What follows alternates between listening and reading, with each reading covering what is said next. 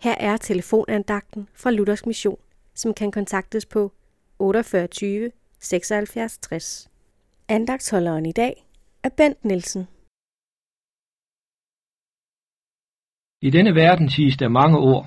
Vi kan bare lukke op for radioen eller fjernsynet, og ordene vælter ud. Politikerne bruger mange ord. Reklamerne er i høj grad billeder, men de er også ord. Hver dag fyldes vi med ord. Det kan være løgn, vi fyldes med, men det kan også være gode og kærlige ord, ord til hjælp for os, ord vi kan glæde os over længe. Det sker måske, at telefonen ringer, og du hører en kendt og kær stemme. Du får en god samtale. Ja, det er godt, vi kan give hinanden gode ord. Bøger kan jo også formidle ord til os. Bibelen er Guds ord. Sandt i alle dets udsagn. Det er jo Guds ord. Derfor er det vigtigt, at vi læser i Bibelen. I salme 119, vers 23 og 24 læser vi.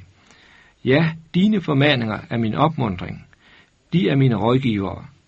Min sjæl klæber til støvet. Hold mig i live efter dit ord.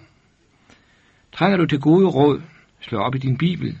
Der er meget, vi kan blive rådvildet over i den forvirrede tid, vi lever i. Her er Guds ord rådgiveren, der ikke svigter. Bed om, at Gud vil give dig de rette ord, og om Guds ånds lys over det, du læser. Det kan du trygt gøre. Vi bliver let, ja vi er jordbundne, og glemmer let at søge hjælp i Bibelen.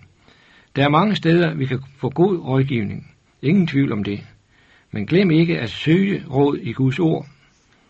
Salmisten kendte til at være jordbunden. Min sjæl klæber til støvet, siger han.